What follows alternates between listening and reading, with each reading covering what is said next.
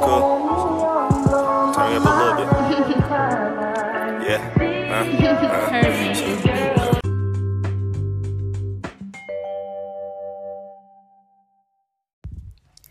Hai amateurs, Yeay, akhirnya setelah satu tahun vakum ya hmm, Kita kembali lagi di Amateur Podcast dengan season kedua Sebenarnya di season kedua ini tuh nggak ada bedanya sih Masih mirip-mirip lah ceritanya. Tapi di season kedua ini Ceritanya kebetulan emang baru eh, Apa ya, gue uh, remind lagi gitu dari otak gue kayak oh ternyata gue pernah loh ngalamin kejadian kayak gini. Dan di podcast yang episode pertama di season 2 ini gue mau bawain cerita tentang salah seorang yang um, sebenarnya cukup membekas di jalan hidup gue. Tapi jalan hidup gue nggak tuh. Maksudnya di perjalanan hidup gue tapi kalau di hati kayaknya udah nggak ya. Karena juga dia udah punya pasangan dan gue harus menghormati pasangannya juga. Dan gue pun juga demikian gue udah punya pasangan gitu. Jadi hanya untuk ya ya untuk di dikenang aja gitu. Jadi kalau gue udah buat cerita kayak gini berarti dia akan abadi dalam karya gue ya nggak btw sorry kalau suaranya masih agak nggak jelas karena gue juga masih agak sakit. Jadi harap maklum Uh, kita flashback dulu ya. Setahun kemarin tuh gue bikin sekitar um, berapa konten ya? 11 apa 13 konten juga deh kalau nggak salah. 13 podcastan. 11 apa 13 ya? Gue lupa. Gue lupa lah gitu pokoknya sekitar segitu dan ternyata alhamdulillah nih banyak yang dengerin juga. Terus ada respon baiknya juga di DM DM ternyata sampai ada yang hubungin ke Instagram dan kayak kapan nih upload lagi? Kapan nih upload lagi? Gitu.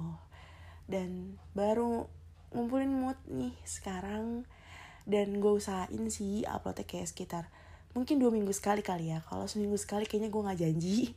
Karena pertama gue harus nyusun ceritanya dulu terus uh, gue juga kan ada kerjaan jadi pasti gue utamain kerjaan gue dulu dan ini tuh jatuhnya kayak apa ya selingan gue gabut kali ya jadi oke okay, back to topik dah ya jadi di cerita kali ini durasinya agak panjang. Seperti season 1, episode pertama selalu panjang, hampir satu jam ya. Nah di pembukaan season 2 ini gue juga pengen yang sedikit agak panjang karena cerita ini cukup memorable di otak gue. Dan sampai sekarang gue masih berhubungan baik dengan orang yang ada di cerita ini. Nah beda sama di uh, cerita-cerita season 1 cerita season 1 tuh kalau nggak salah gue cuman berhubungan baik sama satu orang yang ada di cerita itu dan yang di season 2 ini ada beberapa cerita yang gue masih berkontak gitu dengan orang tersebut ya walaupun gak intens kayak dulu ya jadi cerita yang pertama ini um, kira-kira tuh pasti anak zaman sekarang pernah denger istilah friends with benefit ya gak sih? Udah terkenal banget terus kan menjadi salah satu habit yang sebenarnya sih kurang baik ya. Karena udah pasti uh, friends with benefit tuh kayak memainkan perasaan salah satu dari individu yang terjebak gak sih dalam hubungan FWB itu ya gak sih? Dan yang pasti kan rules pertama itu jangan baper. Jangan dibawa perasaan. Nah itu tuh yang sulit. Tapi kayaknya kalau gue nyebut cerita kali ini tuh gue FBB sama dia kayaknya nggak juga. Karena gue udah terlanjur baper. Jadi gimana dong? Jadi gimana dong ya? Dan tadinya tuh gue mau ngasih judul cerita ini tuh FBB tapi setelah gue pikir-pikir nggak deh. Kayaknya uh, dulu di mata gue di, dan di perasaan gue dia lebih dari sekedar teman. Tapi ternyata hanya teman. Sebenarnya cerita ini tuh udah mau banget gue tulis udah lama. Udah pengen banget gitu aku ceritain ke kalian tapi gue tarik ulur terus nih gitu kan. Karena ada lain suatu hal dan mungkin sekarang gue udah siap dan gue udah move on juga gitu. Dan gue ingin menutup semua kisah gue dengan dia nih lo cerita ini gitu kan. Jadi laki-laki ini bernama Piko tapi Piko Pikonya bukan Piko yang ada di toko film mencuri Raden Saleh ya yang udah nonton ya. Bukan ini beda beda beda. Bukan Piko Piko yang itu um, my lovely my dear my darling. Lebay banget. Kalau anjir lebay banget gue kalau ini oh, terlalu bersemangat ya kalau yang ini pikonya uh, apa namanya lain lah. Jadi laki-laki yang ini bernama Piko. Oke ingat ingat tadi yang udah gue bilang. Piko itu bukan Piko yang ada di film Mencuri Raden Saleh. Kepikiran aja karena Piko itu kalau dibalik kopi. Nah karena si Piko ini tuh dia cinta banget sama yang namanya kopi dan FYI nih penting gak penting sih sekedar intermezzo aja ya. Karena si Piko ini juga lah gue tuh jadi jatuh hati sama kopi itu ya. Yang bener-bener original kopi gitu yang sekalipun nggak pakai gula terus kayak bener-bener pure kopi kayak sejenis americano gitu. Nah itu gue bisa minum. Sebelumnya tuh gue nggak bisa sama sekali. Tapi sejak gue kenal si Piko gue mulai sesuka itu sama americano gitu jadi americano tuh sekarang jadi teman favorit gue di kala gue stres ngantuk galau bad mood ya macam-macam deh. Di macam-macam situasi di berbagai uh, berbagai situasi juga gitu. Nah waktu gue kenal Piko ini tuh gue baru masuk kuliah di universitas yang sama sama dia nih. Gue sama Piko tuh beda satu tahun umurnya. Jadi waktu gue baru masuk kuliah tuh uh, si Piko itu masih semester 2an gitu ya dan gue masih semester 1 eh Piko mau ketiga Piko tiga berarti ya gue satu. Dan yes of course kita berdua ketemu di kampus yang sama dong karena kita kan satu kampus tapi beda jurusan. Dan awalnya sih gue biasa aja ke Piko nih tapi kayaknya emang dia naksir duluan sama gue. Biar aja dulu. Tempat awal gue ketemu sama dia tuh di salah satu pendopo di kampus gue itu. Uh, adalah. Tapi cuma sekedar say hi tapi um, dari situ gue udah mulai kayak oh boleh juga nih. Boleh juga nih karena gue udah lihat si Piko ini juga uh, kayaknya lumayan lah ya walaupun dia nggak tinggi banget sih. Ya masih tinggian gue sebenarnya. Cuman tinggi kita nggak beda jauh. Ya tinggi gue kan 173 mungkin dia sekitar 169an lah. Kayaknya segitu deh. Kayaknya dia nggak sampai 170 nah uh, ya ketemu di pendopo cuma sekedar say hi. Terus tapi anehnya dari situ gue selalu kayak setiap lewat fakultasnya dia nih ya gue selalu saya kayak nyariin gitu loh kayak nengok kayak aduh ada piko nggak ya? gitu loh kayak selalu nyariin gitu kan. Tapi yang bikin anjing ya nih si Piko ini tuh demen banget ghosting. Si Piko ini suka banget ghosting jadi ya gue tuh di ghosting gitu tarik ulur terus PDKT-nya ya nggak sampai akhir. Jadi kayak udah hilang aja gitu. Jadi ya udahlah gitu kan. Ya udah gue fokus ke yang lain aja gitu kan. Daripada gue fokus ke satu tapi dia nggak jelas gue ditinggal gitu. Jadi ya udah karena ada beberapa uh, senior kampus gue juga yang lain ya udah gue coba mulai lupa deh tentang dia nih gitu kan. Waktu berjalan sampai akhirnya gue mutusin buat pindah kampus karena ketidakcocokan dengan jurusan sebelumnya di kampus yang satu kampus sama Piko itu. Terus tiba-tiba si Piko ini ngechat ngechat gue lagi nih uh, buat kayak mastiin gitu kayak bener lo pindah kampus gitu loh. Dan uh, jujur aja ya um, di saat dia ngechat kayak gitu tuh gue kayak udah males semales itu gitu sama dia kayak ah, ngapain lagi sih nih ngechat segala gitu kan. Kayak gue udah move on nih ngerti gak sih guys? Kayak udah move on terus tiba-tiba di chat uh, ra pindah pindah ke mana kenapa bla bla bla. Ya posisinya di saat gue pindah itu si Piko lagi magang sih di salah satu hotel di Jakarta gitu kan. Tapi satu sisi juga gue seneng kayak oh nih anak laki-laki ini nih masih inget juga nih sama gue gitu kan. Gue pikir udah los kontak aja gitu. Atau emang udah emang nggak cocok aja gitu kan. Pernah ngasih klien kayak kenal sama orang terus coba jalanin dulu ternyata emang ada ketidakcocokan gitu ya nah ternyata si Piko ini tuh kayak balik lagi ke gue gitu loh. Tapi ya pelin pelan gitu kan tiba-tiba ngubungin lagi gitu kan. Ternyata nih ternyata ya ternyata alasan dia kemarin tuh ghostingin gue adalah dia jadian sama cewek lain. Hmm, bangsat kau piko ya. Dan akhirnya dia mutusin untuk nggak kontak gue lagi untuk menjaga hati dari si perempuan tersebut pas udah putus baik lagi ke gue. Gitu Piko jadi aku hanya sandaran hatimu. Fine banget kok. Udah fine banget gue dengan alasannya. Terus karena gue kesel ya kayak aduh di situ posisinya gue lagi cetan tuh. Udah mulai rutin lagi cetannya. Terus gue kayak sebenarnya gue gunduk-gunduk gak gunduk ya pas tau alasannya kayak gitu. Terus gue kayak uh, ya udah gue nanya deh ke dia.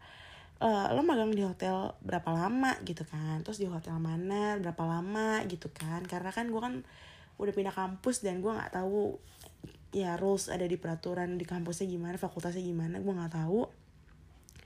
Terus si Piko nih jawab bentar lagi kelar sih kata dia gitu kenapa emangnya? Terus uh, gilanya lagi nih gue kan lagi dendam sama dia ya. Pemalasan dendam gue itu adalah terbesit gitu ya di pikiran gue ah gue buat dia tidur sama gue aja kali ya ini gila sih. Itu sumpah di saat itu gue terbesit karena emosi. Terus kayak ah udah otak gue udah nerawang ke situ aja emang otak selangkangan gitu kan. Astaga. Bisa gak sih ini otak dicuci gitu guys. Pengen banget ngelepas otak gue. Dan please ini gila banget sih. Terus sempat mikir agak lama kayak bimbang ah balas gak ya balas gak ya gitu. Terus akhirnya gue bales. Mau nggak sama gue wah memang cikal bakal agresif ini sudah ada dari dulu ya. Terus si Piko jawab lah mau apa nih? Duh Piko kamu pernah-pernah bego apa gimana sih? Terus gue bilang lagi lah ya gue jawab ya having sex kata gue gitu kan. Duh udah bener-bener gila saat itu. Gue kalau gue bisa flashback ke gue yang dulu gue bilang lo ngapain anjing ngetik kayak gitu gitu tapi kayak ya udah gitu karena gue lelah sama dia kayak tarik ulur mulu nih hubungan gue nggak jelas gitu kan.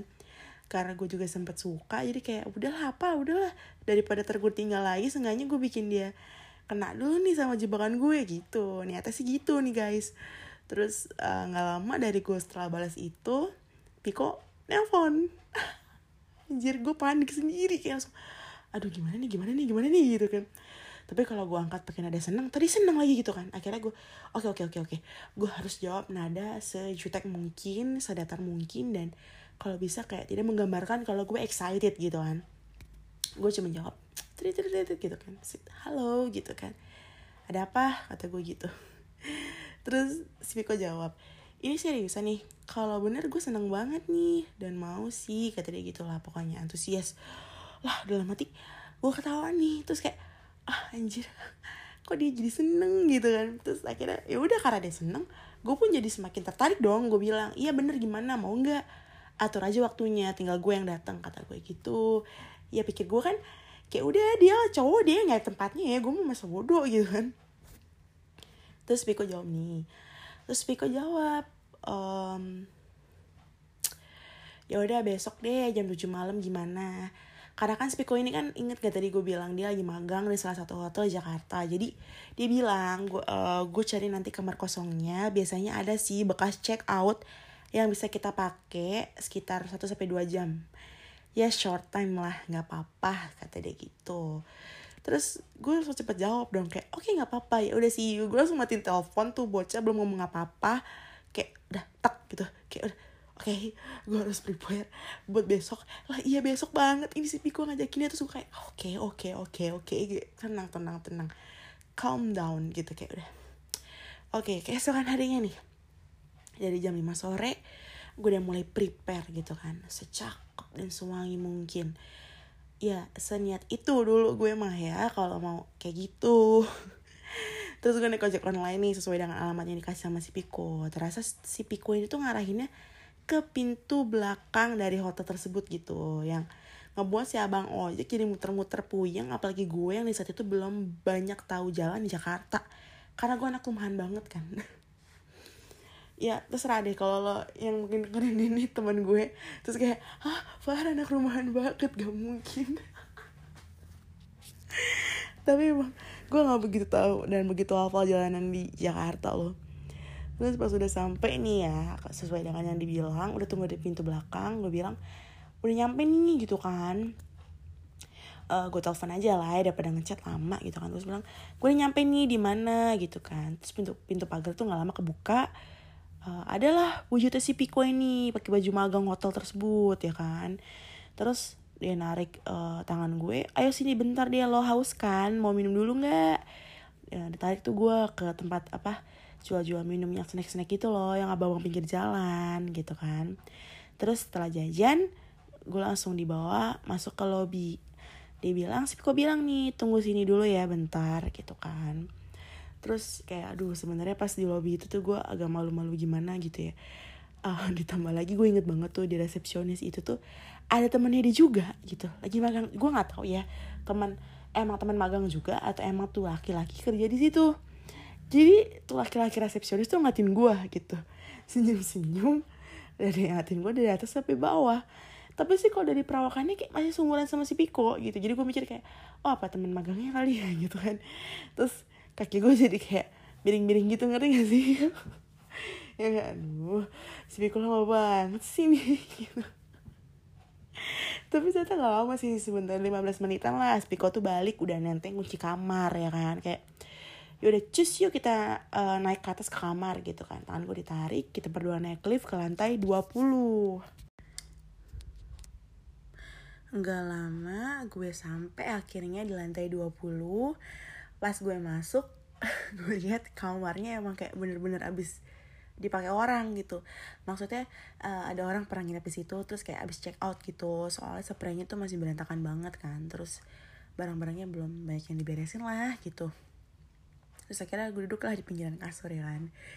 Jujur li gue di situ bener-bener grogi saya grogi groginya dan kayak kenapa dalam hati gue kayak kenapa jadi gue yang grogi nih gitu kan. Ah anjir lah jangan sampai senjata makan tuang nih mak. Tuang gak tuh senjata makan tuan nih feeling gue terus si Piko nggak lama duduk juga nih di sebelah gue ya kan. Terus si Piko nih ternyata lebih agresif pada gue secara langsung gitu. Kan dia langsung ngerangkul. Terus kayak eh buset tunggu tunggu tunggu tunggu. Aduh dia apa ini gue? Gitu kan. Terus langsung kayak asli sepanik itu gue. Terus kayak langsung kayak gue bilang hmm, bentar ya izinin ke kamar mandi dulu nih. Gitu kan. Lari lari lah gue ke kamar mandi. Terus dalam kamar mandi tuh gue kayak ngaca kayak aduh gimana ya? Apa gue kabur aja nih ya? Apa nggak usah diterusin ya? Gitu kan terus oke okay, gue kayak ya nggak nggak nggak nggak. Gue udah gue udah terlanjur masuk terus kayak gue harus menyelesaikan apa yang udah gue kerjakan gitu loh. Kayak karena gue udah nawarin dan gue yang nawarin gitu kan. Jadi kayak ya harus gue tuntaskan gitu. Gue harus memegang uh, omongan gue sendiri gitu. Terus akhirnya gue coba nenangin diri gue narik nafas dalam-dalam terus gue keluar di kamar mandi. Pas gue nengok deketin ke si Piko. Si Piko udah tau guys udah ngapain udah buka celana panjangnya. Dan tinggal pakai boxer doang. Oh shit. Gue kayak abis deh gue. Terus gue duduk. Terus gue duduk dengan posisi yang sama kayak waktu gue masuk ke dalam kamar tadi. Terus tiba-tiba Piko tuh kayak ngejatuhin tubuh gue gitu buk gitu kan. Terus ke kasur terus sekarang posisi dia di atas gue nih ya kan? Uh, lo semua bayangin itu. Terus sambil natap gue dia bilang waktu kita nggak banyak sayang kata dia gitu. Terus uh, ya secara kan dia bilang sebelumnya short time gitu kan. Jadi ya nggak bisa lama gitu. Jadi emang jangan membawa waktu lah gitu istilahnya kan. Tapi jujur lagi nih gue terkesima dengan aksi cepat tanggapnya dia gitu kan. Kayak wah nah laki gentle banget nih gitu. Terus ya udah refleks kita ciuman dan yes we are having sex gitu. Di saat itu dan singkat banget sih tapi jujur ternyata Piko tuh cukup tangguh juga ya karena dia lama banget keluarnya. Jadi kayak ya lo bisa bayangin satu dua jam itu ya kayak cuma satu ronde doang gitu. Eh no dua ronde satunya lagi blow job dan ya udah terus kita satu jaman lah ya satu jam setengah lah kita main terus kita udah selesai kita pakaian lagi pakaian kita udah acakan ke mana-mana. Emang ditambah ruangan itu lagi acak-acakan juga karena belum diberesin ya kan. Terus selesai Piko pun balikin kuncinya ke resepsionis kayak kayaknya gue rasa si Piko ini tuh kayak udah kerja sama emang si cowok yang tadi gue bilang di resepsionis itu. Karena nggak mungkin kalau misalnya si Piko tuh seberani itu gitu kan kayak um, melakukan aksi cepat tanggap itu sendiri pasti ada kong kali kong dari temannya kayak rasa gitu deh gitu kan. Terus akhirnya Piko izin ke temannya kalau mau nganterin gue balik nih gitu kan. Dan emang kita juga nggak lama-lama lah di kamar itu karena kan mau dipakai lagi mau dibersihin buat customer yang lainnya gitu kan. Hmm, short time yang indah dan enak saat itu. Oke. okay. Setelah having sex saat itu hubungan gue sama Piko ya kembali tarik ulur lagi. Ghosting of course ghosting. Dia ghosting gue lagi. Kita sama sekali nggak kontakan lagi selama 2 tahun. Yes 2 tahun. Lama banget ya. Dan uh, tapi gue tuh tetap saling followan Instagram. Jadi gue tuh tahu aktivitas dia tuh ngapain terus apa yang dia suka kegiatan dia ngapain gitu. Jadi gue sebenarnya tahu. Jadi kayak memperhatikan dari jauh. Jadi sebenarnya kayak uh, gue inget dia tapi gue nggak tahu dia inget gue apa enggak gitu loh. Jadi kayak ya inget lah of course inget gitu. Tentu saja aku ingat gitu kan. Tapi ya udahlah gitu. Dan satu hal yang gue tahu dari situlah gue tahu kalau Piko suka banget sama kopi gitu. Singkat cerita nih uh, di kampus gue yang uh, waktu itu udah pindah kan dari kampus yang bareng Piko itu gue ada tugas buat feature dari kampus gue. Kayak semacam liputan gitulah. Liputan ke cafe yang sekiranya entah baru buka atau ada sesuatu yang unik di cafe itu. Kayak gitu. Jadi gue liputan gitu. Jadi di semester 5 itu gue harus wawancara ngeliput tugas kuliah gue. Akhirnya kelompok gue pun menyerahkan mencari narasumber itu ke gue. Karena mereka mengira gue memiliki relasi yang cukup banyak padahal gue hanya mengandalkan Instagram. Jadi gue tulis story saat itu detik juga gue langsung bikin story gue bilang ada yang punya cafe atau tempat nongkrong apa pun itu yang menarik gak sih? Gitu kan. Ternyata yang nggak reply cukup banyak dan salah satunya ada si Piko. Langsung kayak ah hati gue langsung kayak dek gitu. Wah ternyata dia masih ingat sama gue gitu kan. Dari sekian banyak yang nge-reply ada nama Piko. Dan akhirnya dari beberapa orang yang nge-reply itu gue pilih tiga orang dan salah satunya itu si Piko kan. Terus akhirnya dia menawarkan tiga opsi ke tiga opsi tempat nih ke gue. Kayak lo mau kayak mana nih? Gitu kan. Akhirnya tiga-tiganya gue datengin gue surveyin. Tapi survei pertama itu gue dateng ke salah satu cafe yang ada di daerah Bekasi. Jujur sih di saat itu dia bener-bener ngebantu gue banget. Dan thanks Piko terima kasih. Jadi hmm, dari tugas liput itulah gue sama Piko tuh kembali dekat jauh lebih dekat dekat dekat dari sebelumnya. Yang kali ini benar-benar seintim itu. Dan uh, datanglah gue ya tadi ke cafe yang pilihan gue itu di daerah Bekasi. Gue ketemu nih sama si Piku akhirnya. Setelah sekian lamanya gue gak ketemu 2 tahun ya kan gue masih inget banget. Dia tuh masuk ke cafe itu pakai baju kaos putih dan gue ngeliat kayak oh dia tambah ganteng nih gitu. Kok kayaknya mukanya bersihan ya? Terus lebih berisi gitu lebih kayak seger aja gue ngeliatnya. Dan ya pokoknya glow up lah gitu. Gimana sih guys glow up yang menurut gue kayak lu kayaknya nggak seputih ini dan se dia wangi banget sih emang saat itu dia wangi banget. Pokoknya tambah cakep lah gitu kan. Terus gue inget banget kita salaman di situ. Asik. Kita salaman. Terus kayak uh, gitu. Terus kenalan diri lagi. Kayak seakan-akan kita nggak pernah kenal sebelumnya gitu. Nggak pernah kenal coba bayangin. Nggak pernah kenal tapi pernah tidur tuh gimana? Terus salaman uh, ya Piko gitu. Oh ya Ara gitu. Terus gue senyum senyum gue dicengin sama teman-teman gue tuh kayak oh jadi ini yang namanya Piko hmm, ya gitu gitulah terus kan terus kita pun akhirnya ya terbesit lah memori-memori di masa lalu ya kan. Uh, bahkan ya dia ternyata tuh masih inget gitu sampai ada satu celutukannya dia yang dia bilang kayak ya gue masih inget rasanya. Wah rasa apa nih? Mungkin rasa suka ya. Kita coba berpikir bersih ya berpikir bersih mungkin rasa suka mungkin dia pernah suka sama gue gitu kan. Nah jadi nongkrong lah akhirnya gue di cafe itu sampai pagi. Ngobrol sama Piko sama teman-temannya Piko. Gue dikenalin dari A sampai Z kita bernostalgia lah gitu. Jadi saling tukar cerita selama dua tahun itu ada apa aja yang udah kita lewatin gitu kan. Kita dua tahun nggak pernah kontakan. Akhirnya jam 4 pagi gue baru balik. Karena jam 10 gue ada kuliah lagi. Terus dia diantarin nih sama Piko dan ya satu hal yang harus kita ketahui bersama bahwa si Piko ini adalah sosok yang sangat bucin. Kita garis bawahi sosok yang sangat bucin maksimal.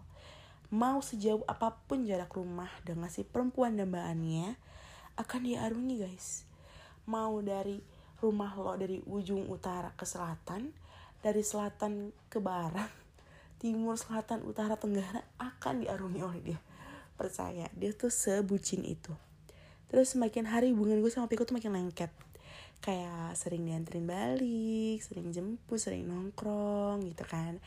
Terus nggak jarang juga sih gue tuh dianterin uh, di, dianterin ke kafe-kafe gitu. Jadi teman-temannya dikenalin nih gue dikenal ke teman-temannya. Terus ya dari itu sebenarnya sih kayak sebenarnya dari gue sering dikenal teman-temannya itu gue jadi nggak jarang juga deketin teman-temannya gitu ya menurut gue ya cukup menarik.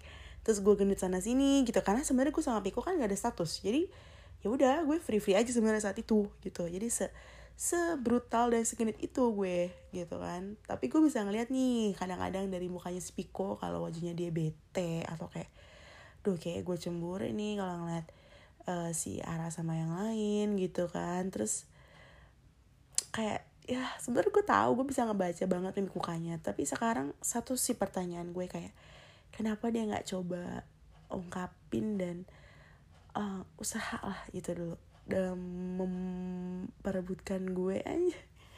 Bukan memperebutkan ya dalam memiliki gue gitu kayak ah Piko Piko terus Piko tuh ya tadi gue bilang Piko sering banget ngajak gue uh, ke satu kafe ke lain kafe lainnya gitu untuk kenalin gue ke teman-temannya dan kayak tuh dia kayak apa ya kayak proud banget gitu loh bangga banget nih nih gue udah nama cewek nih gitu cewek yang begini. Coba gitu gimana ya? Menurut pandangan lo aja gitu kayak pokoknya dia sebegitunya membanggakan gue lah gitu. Terus ya sekalian aja sih gue dapat minuman gratis kan. Makasih lo Viko buat treatmentnya yang ini dan gue suka banget deh terus setelah kita dekat-dekat ini masih kan bertanya pernah cekin lagi nggak? Of course pernah. Kita cekin berdua lagi akhirnya. Tapi sayang sih pas cekin yang uh, pertama kali setelah deket itu deket lagi maksudnya gue lagi menstruasi jadinya kita nggak ngapa-ngapain deh. Gue cuma mancing-mancing doang. Gue cuma mancing-mancing doang. Ya dianya of course berdiri ya. Uh, aduh tadi gue ngomong of course mulu nih biasaan kalau biasa nih kalau tahu satu kata pasti diulang-ulang mulu sama gue. Ya ya namanya jiwa-jiwa nakalku muncul ya. Aku tetap memancing tapi tidak aku apa-apain. Itu sengaja sih gue pengen ngerjain dia aja gitu kayak ah ini rasakan pembalasanku gitu kan. Terkadang kita harus lecek juga guys untuk uh, hubungan yang lebih baik. Tapi di kesempatan lainnya gue kembali cekin lagi nih sama Piko tapi sama salah satu temannya juga. Jadi uh, gue bertiga intinya Piko temannya gue gitu. Terus uh, ya udah nih. Dan um, akhirnya gue having sex lagi sama Piko ya lagi di satu di satu kamar apartemen satu ranjang bertiga gue melakukan itu gue melakukan itu sama Piko. Yes di sebelah temennya. Dan temennya lagi tidur kayak oh my god kalau sampai dia bangun gue gak bisa ngebayangin kalau gue di trisam lo bayangin gak sih? Terus kalau oh ya ampun astaga. Inget banget tapi di malam itu tuh Piko lebih garang menurut gue mungkin terpengaruh minuman alkohol kali ya karena malam itu juga sempat kita minum tipis-tipis sih. Emang gak banyak cuman ya lumayan membuat gerah lah ya suasana membuat panas dan terpancing untuk melakukan gitu kan. Kita main juga di situ sekitar dua kali tapi yang dua kali ini bener-bener main. Bukan hanya sekadar blowjob atau apa itu bener-bener main. Terus uh, pas dia si Viko tidur gue mandangin wajahnya ya kan. Gue senyum-senyum sendiri terus gue perhatiin ih ternyata bulu matanya Viko lentik juga ya. Ah Viko Viko terus gue jadi ketularan bucin nih gara-gara si Piko di saat gue lagi sibuk-sibuknya nih sama perkuliahan gue ya kan gue juga sampai rela loh nyamperin ke tempat kerjanya Piko dan tempat kerjanya Piko tuh waktu itu di salah satu kafe di daerah Jakarta Selatan. Jauh ya jauh banget buat gue yang nggak bisa main jauh saat itu. Terus gue bener-bener kayak nungguin dia gitu loh sampai closing jam 3 atau jam 4 pagi malah pernah balik subuh. Itu pokoknya gue daril banget. Beberapa bulan tuh gue balik subuh balik subuh balik subuh balik subuh balik subuh. Itu ngapain ngerjain tugas? Enggak enggak bucin enggak bucin jadi enggak ngerjain tugas enggak enggak bucin say segitunya gue nungguin Biko. Dan ya sebenarnya antara gabut juga di rumah sih. Pulang pulang kuliah tuh pokoknya kalau langsung pulang dulu tuh kayak aduh gabut nih mending ke mana ya? Oh mending kita nyamperin Biko aja deh gitu. Ya serandom itulah hari-hari gue sama Piko kita suka banget jalan-jalan naik motor ke mana-mana. Terus um, ya berkat Piko juga gue tahu dunia malam di jalanan ya. Suka jalan-jalan sama desa malam gitu. Sampai akhirnya gue harus terpisahkan lagi dengan dia karena ada suatu masalah yang sebenarnya ya itu kebodohan gue juga sih gitu kan. Dan masalah ini nggak bisa gue jabarkan lebih jauh lebih detail lagi karena case nya tuh udah close sebenarnya udah close banget dan gue nggak mungkin lagi. Tapi untuk ini gue bener-bener mau minta maaf banget sama Piko dan pihak-pihak lainnya yang udah gue buat sakit hati mungkin udah kecewa aku bener-bener minta maaf banget. Jadinya setelah adanya masalah ini kebucinan gue sama Piko selesai. Hubungan kita benar-benar udah tutup buku. Ya kayak ya udah gitu. Udah dapat jasa nih dan gelar lo cuman cuman teman hampir pacaran. Tapi gak kesampaian pacaran ya gitu. Jadi ya, ya hanya teman ngewe ya akhirnya gue sama Piko sekarang udah done banget gitu dan udah punya kehidupan masing-masing. Setelah ada masalah itu gue sempat ngeblok Piko semua sosial medianya. Satu tahun tuh gue bener-bener blok. Gue nggak hubungan sama siapa pun sama dia sama teman-temannya. Siapa pun itu yang ada hubungan sama dia gue bener-bener gue blok. Sampai akhirnya setelah satu tahun gue rasa udah waktunya nih gue juga udah udah mulai uh, nggak enak hati udah mulai kayak kangen-kangen kecil kangen-kangen kecil akhirnya gue unblock. Dan gue coba kontak lagi dan sampai sekarang akhirnya hubungan gue baik sama Piko tapi hanya ya lagi-lagi sekedar teman 100% karena dia sudah membuka lembaran barunya cerita barunya dengan pacar barunya begitupun dengan gue dengan pacar gue yang sekarang gitu kan. Ya hmm. gue pernah sih nanya ke dia kayak kenapa sih lo dulu nggak nembak gue aja? Gitu. Gue tahu lo suka sama gue kata gue gitu di suatu hari. Dan dia jawab gue takut ra katanya. Gue takut ditolak. Tapi sekarang gue nyesel sih kenapa dulu gak gue ungkapin ya? Gitu. Uh, piko piko piko piko rasa takutmu sekarang jadi penyesalan kan tapi mungkin emang udah ditakdirkan kita kayak gini kali ya piko mungkin sebagai teman kita lebih asik lebih mengasihkan mungkin ya. Bisa hai hahoho bisa ke sana sini bisa having sex dulu dulu dulu dulu inget dulu. Sekarang mungkin kalau misalnya gue jadi pasangan belum tentu kita akan sehappy. Itu ya nggak sih Piko sangat senang mengenal si Piko ini dan dunia perkopiannya itu seruput americano dan latte itu akan terus mengingatkan gue sama lo Piko sepahit, seasam, semanis, dan sehitam itu kisah kita. Take care of yourself, Piko. Semoga segera menikah ya. Dan ini salah satu keinginan dia katanya sih di tahun depan. Kita doain ya guys. Semoga Piko cepat uh, melamar kekasihnya, menikah, hidup bahagia, dan segala doa yang baik pada dirinya keinginannya terwujud.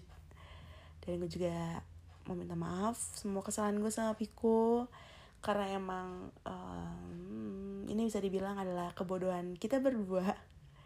Kesalahan kita berdua. Eh tapi Piko juga banyak salah sama gue nih. Harusnya minta maaf juga. Nggak cuman gue nih. Gak lah udah. Masa lalu biarlah berlalu ya nggak Piko tapi uh, gak apa-apa kalau sekali sesekali diingat rasanya juga boleh diingat rasanya. Janganlah. Ntar terulang lagi bahaya ya. Panjang ceritanya. Nanti nggak kelar kelar cerita gue sama Piko jadinya. Ada part 2 nih. Part 1 aja uh, banyak yang udah gue lupa lupa sih jujur sebenarnya. Makanya ini sebenarnya kalau di tulisin tuh sekitar ada 4 lembar 4 5 lembar tapi pas di voice note ah kok voice note? Pas di record gak tau deh ada nggak 30 menit? Tapi begitulah cerita gue sama Piko kalau untuk urusan detail seksnya dong kayak gimana? Ya having sex pada umumnya.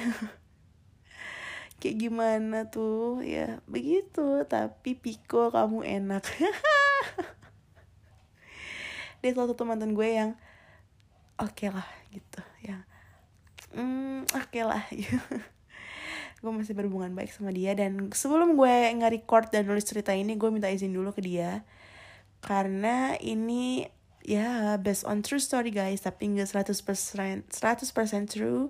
Karena pasti gue ubah. Ada yang gue lebih-lebihkan ada yang gue kurang-kurangkan nama gue samarkan. Uh, 100% ini nggak begitu mirip kalau yang ini karena memang sengaja. Karena orang-orang terdekatnya Piko mengenal gue jadi ini gue gak mau 100% samain. Jadi cerita ini uh, hanya satu garis besarnya aja yang mirip tapi sisanya ada yang gue lebih-lebihkan ada yang gue kurang-kurangkan supaya ceritanya lebih hidup. Karena sebenarnya sisanya juga gue lupa. Gue udah mulai lupa. Karena gue kenal Piko ini udah cukup lama. Udah dari tahun 2016an coba. 16, 17, 19, 19, 20, 21, 22, ya 7 tahun lah. Hampir 7 tahun gue kenal Piko jadi uh, nyatanya coba itu tujuh tahun gak berjodoh ya kan? Ya emang sakit ya jagain jodoh orang ya Piko. Cuman ya kisah gue sama dia bahagia. Kalau diinget-inget begitu memorable begitu anak muda banget gitu ya dia bisa mewarnai hari-hari gue di saat dulu. Ya cukup bahagia ya emang kalau dipikir-pikir mungkin kalau gue pacaran sama dia nggak tahu mau dibawa ke hubungan gue sama dia kali. Mungkin kerjanya cuma ngewe jalan ngewe jalan ngewe jalan gitu doang kayak gue rasa. Gitu jadi ya udah mungkin emang udah seharusnya berakhir sampai di sini guys. Oke okay, itu dia cerita gue dengan Piko. Pembuka untuk season 2 episode pertama ini yang cukup uh, gue excited nulisnya. Sebenarnya nih sebelum cerita si Piko ini tuh gue ada satu cerita juga yang waktu itu gue udah bikin gue nulis gue udah record tapi karena ada satu lain hal kehalang recordnya jadi kehapus gitulah. Terus gue belum record lagi dan gue lagi mood banget nih nulis tentang Piko ini karena baru banget minta izin sama Pikonya Pikonya langsung dan dia bilang yes silakan kalau uh, mau menceritakan dan dia sempat bilang kayak sama gue hari-harinya nggak indah ya. No Pico don't worry. Hari-hari gue indah kok. Dan gue mau makasih banget sama itu. Gue jadi kangen nih. Nggak lah ya kangen masa lalu. Kalau bisa muter waktu ya kita bisa kembali ke saat itu ya Piko. Mungkin banyak hal yang belum gue utarakan dan mungkin banyak hal juga yang belum lo utarakan Wah, cerita kali ini begitu romantis ya. Begitu membekas di hati seorang Ara.